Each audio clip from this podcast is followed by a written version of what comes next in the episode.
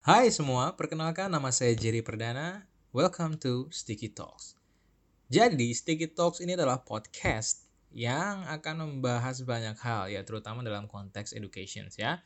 Dan untuk podcast kali ini itu monolog, berarti yang ngomong cuma seorang, saya doang ya. Kalau tiba-tiba ada orang lain ngomong, saya takut karena saya juga sendiri di sini. Oke, jadi sebelum kita masuk ke topik, salam kenal buat semua yang mendengarkan podcast ini. Jadi, topik dari podcast kali ini adalah berkarya tanpa narkoba dan topik ini hasil dari kerjasama dengan KBR.id lalu dengan BNN, Badan Narkotika Nasional. Sekarang, sebelum kita masuk ke topik, kita tarik ulur dulu ya. Kita tarik ulur dari belakang. Kenapa kira-kira bisa ada topik berkarya tanpa narkoba? Berarti ada dong orang-orang yang berkarya dengan narkoba? Ada, bahkan cukup banyak. Dan mungkin banyak di antara kita juga yang kenal dengan orang-orang hebat yang suka berkarya dan tertangkap atau diketahui menggunakan narkoba. Gitu ya. Kenapa sih kira-kira mereka menggunakan narkoba dan apa alasannya? Tapi sebelum kita bahas kenapa, kita mau bahas dulu apa sih narkoba? Oke. Kalau dari KBBI sendiri, narkoba itu adalah sebuah akronim atau singkatan dari narkotika dan obat-obatan berbahaya. Kalau di luar negeri sih disebutnya drugs aja ya. Nggak ada perbedaan-perbedaan seperti di Indonesia. Dan obat-obatan itu ada yang ilegal, ada yang legal atau diperjualbelikan dengan bebas. Nah, narkotika di sini atau narkoba itu merupakan obat-obatan yang terlarang dan tidak ditujukan untuk pengobatan bahkan. Sekarang kita balik lagi, berarti ada dong jenis-jenis obat-obatan? Ada tentunya. Dan e, penggolongan obat-obatan ini pun diatur dalam perundang-undangan loh. Dia diatur di Perundang-Undangan nomor 35 tahun 2009 pasal yang ke-6. Dan di dalam perundang-undangan tersebut disebutin bahwa ada tiga golongan narkotika. Yang pertama, ya golongan pertama, yaitu jenis narkotika yang hanya digunakan untuk penelitian dan tidak digunakan untuk terapi. Dan punya kecenderungan membuat adiksi atau kecanduan yang sangatlah fatal. Golongan yang kedua adalah narkotika yang bisa digunakan untuk terapi dan juga pengembangan ilmu pengetahuan. Golongan yang kedua ini memiliki potensi ketergantungan tapi nggak kayak yang pertama ya. Yang pertama disebutnya fatal soalnya. Lalu golongan yang ketiga yaitu golongan yang berhasiat dan banyak digunakan dalam terapi. Berarti cukup banyak digunakan dalam bidang medis ya. Dan memiliki potensi kecanduan yang sangat ringan. Itu golongan yang ketiga. Dari golongan narkotika tadi, berarti kita bisa simpulkan ya, orang-orang yang menggunakan narkotika tadi untuk berkarya, mereka menggunakan narkoba atau narkotika golongan pertama dan yang kedua. Dan ya berarti itu penyalahgunaan ya, karena golongan yang pertama dan yang kedua hanya bisa digunakan untuk penelitian dan juga kalau ada resep dokter. Jadi, mereka menyalahgunakan hal tersebut. Nah, kenapa mereka sampai mau menggunakan narkotika? Ini semua terjadi karena efek singkat yang ditimbulkan oleh obat-obatan terlarang itu, yaitu efek yang bisa membuat seseorang mencapai euforia tertentu dan juga mereka mendapatkan adrenalin tertentu supaya mereka apa? Supaya mereka happy. Kalau kata orang-orang mereka mah ngefly katanya terbang. Mau ngefly kok narkoba ya? Naik pesawat lah. Nah, dari fase ngefly ini, terkadang mereka mendapatkan ilham ataupun kepercayaan diri yang lebih, baik untuk manggung ataupun mungkin berpikir kreatif. Nah, jadi karena ini banyak orang-orang sana yang mau berpikir kreatif, mau menjadi lebih bebas, mau menjadi lebih pede, menggunakan narkoba. Ya karena itu tadi, ngefly dan euforianya tadi. Berarti bagus ya? Ya enggak lah Ingat nggak tadi di golongan 1 dan 2 bahwa golongan ini memiliki tingkat ketergantungan yang tinggi. Jadi adiksinya ini fatal teman-teman. Kenapa fatal? Oke, jadi gini. Adiksi itu terjadi karena tubuh udah terbiasa menerima jenis-jenis narkoba tadi. Dan ingat ya, saat mereka menggunakan narkoba tadi, mereka mendapatkan relief waduh relief ya. Mereka mendapatkan kepuasan tersendiri. Setelah mereka mendapatkan kepuasan tersebut, otomatis mereka akan mencari kepuasan yang sama terus-menerus. Sehingga mereka akan craving, mereka akan terus-menerus meminta atau menggunakan narkotika tadi. Nah, level adiksi pun beda-beda. Ada yang biasa aja, ada yang udah parah banget. Nah, yang udah parah banget biasanya kelihatan tuh kalian yang suka nonton-nonton sinetron atau mungkin film ya kan. Biasanya sampai matanya tatapannya kosong ya kan, lalu bibirnya pecah-pecah gitu ya. Itu sakau atau panas dalam ya. Tapi intinya gitulah. Mereka gemeteran, uh, pucet, keringat dingin gitu. Itu contoh di mana mereka udah adiksi akut teman-teman.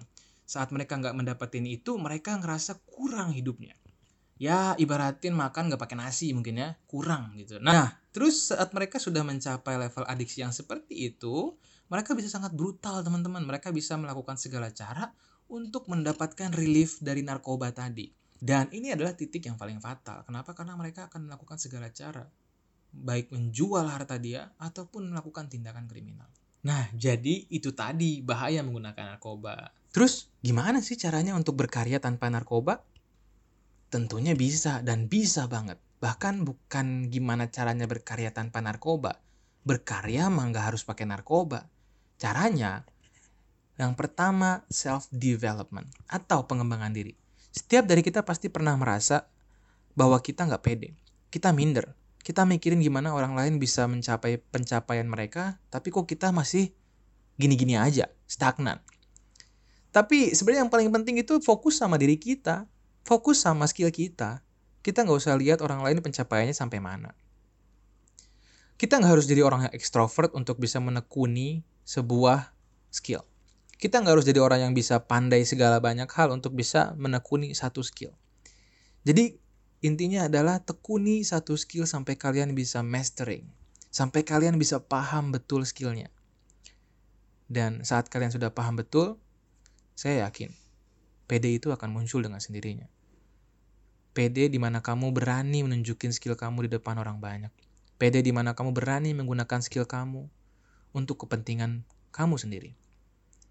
Oke, lalu yang berikutnya adalah explore banyak hal. Mungkin di antara kita yang dengerin merasa bahwa aku nggak tahu skill aku, aku nggak tahu apa yang harus aku lakukan dengan diriku. Teman-teman, sekarang itu zaman udah 2021. Banyak banget source untuk belajar. Jadi jangan batasi diri kalian dengan mindset bahwa saya nggak mampu. Tapi biasanya yang membatasi adalah saya nggak mau gitu. Jadi intinya kamu mau apa enggak belajar banyak hal? Kalau kamu mau, buka internetmu. Teman-teman, internet itu bukan cuma soal Instagram dan YouTube. Internet itu banyak isinya. Kamu mau belajar apa pun di situ bisa, teman-teman. Jadi, jangan batasi diri kamu. Explore banyak hal, sebanyak mungkin. Lalu yang terakhir, ini yang paling saya suka nih stop membandingkan diri, teman-teman. Saya yakin mungkin di antara kita yang denger ada generasi Z atau mungkin ada juga millennials. Ya, mungkin juga ada baby boomer, saya nggak tahu ya. Tetapi intinya uh, kita semua mungkin orang-orang pengguna sosial media. Kita semua terbiasa buka Instagram, kita semua terbiasa buka YouTube, kita semua terbiasa buka ya sosial media yang lain lah. Dan saat kamu membandingkan diri kamu dengan sosial media, orang-orang yang ada di sosial media, kamu akan merasa minder. Teman-teman, saya ada satu quotes nih. Waduh, quotesnya bagus deh ya. Jangan bandingkan proses dengan hasil, teman-teman. Mayoritas orang-orang yang ada di sosial media adalah orang-orang yang mau menunjukkan brandingnya diri mereka. Jadi sosial media itu tempat personal branding, tempat di mana mereka menjual personal brandingnya mereka. Jadi yang mereka tunjukin harus yang baik-baik dong. Kenapa? Supaya orang bisa tahu nih, oh orang ini bisa ini, orang ini bisa ini. Gitu. Jadi saat kamu membandingkan proses dan hasil itu nggak comparable. Itu nggak apple to apple. Kenapa? Karena kamu masih berproses sementara dia sudah final. Kamu bahkan nggak pernah tahu kan proses apa yang dialami orang-orang yang sudah menampilkan finalisasinya mereka di Instagram.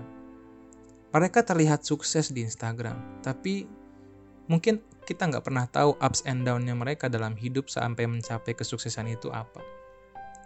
Jadi teman-teman stop comparing ya. Ingat proses tidak bisa dibandingkan dengan hasil. Gitu ya. Kenapa? Mungkin di sini teman-teman ada yang editor ya. Dan mungkin familiar dengan kata timeline atau lini masa gitu ya atau garis waktu. Setiap dari kita punya lini masanya atau timelinenya masing-masing. Ada yang panjang, ada yang pendek, ada yang sangat pendek, ada yang sangat panjang. Tetapi yang membedakan timeline itu adalah isi dari timelinenya. Setiap dari kita punya prosesnya masing-masing. Ada yang singkat, ada yang panjang. Tetapi yang paling penting adalah seberapa berharganya pengalaman yang kamu taruh di lini masamu. Siapa tahu di antara kalian ada yang timelinenya pendek. Tapi kalau kamu nggak taruh apa-apa, hasilnya ada apa-apa nggak? Nggak ada. Jadi usaha kalian membuahkan hasil. Sepanjang apa pun timelinenya, kalau kamu nggak masukin apa-apa di timeline hidupmu, it will be nothing. Jadi, ingat, setiap orang punya prosesnya masing-masing. Dan karena setiap orang punya prosesnya masing-masing, berarti berkarya itu butuh perjuangan, teman-teman. Jangan ambil jalan singkat, jangan ambil maunya tepat. Kalau kamu lagi kondisi stres di tengah uh, kamu ingin berkarya, uh, coba relief dengan kegiatan yang lebih baik. Coba relief dengan kegiatan yang memang bisa membantu kamu juga untuk meningkatkan skill berkarya kamu. Jadi, balik lagi, karena setiap proses berkarya itu beda-beda, dan kamu harus menghargai proses kamu berkarya. Jadi, apa pun yang kamu lakukan di tengah kondisi sulitmu dalam kamu berkarya, lakukanlah itu untuk karyamu ke depannya. Sehingga kamu tidak beralih ke hal-hal negatif seperti narkoba tadi. Jadi teman-teman, semangat berkarya, terus maju kita bisa berkarya tanpa narkoba. Kalian mau tahu bukti karya tanpa narkoba? Hmm, podcast ini buktinya. Oke, mari cegah narkoba bersama-sama. Oke, sampai jumpa di Sticky Talks lain waktu. Terima kasih.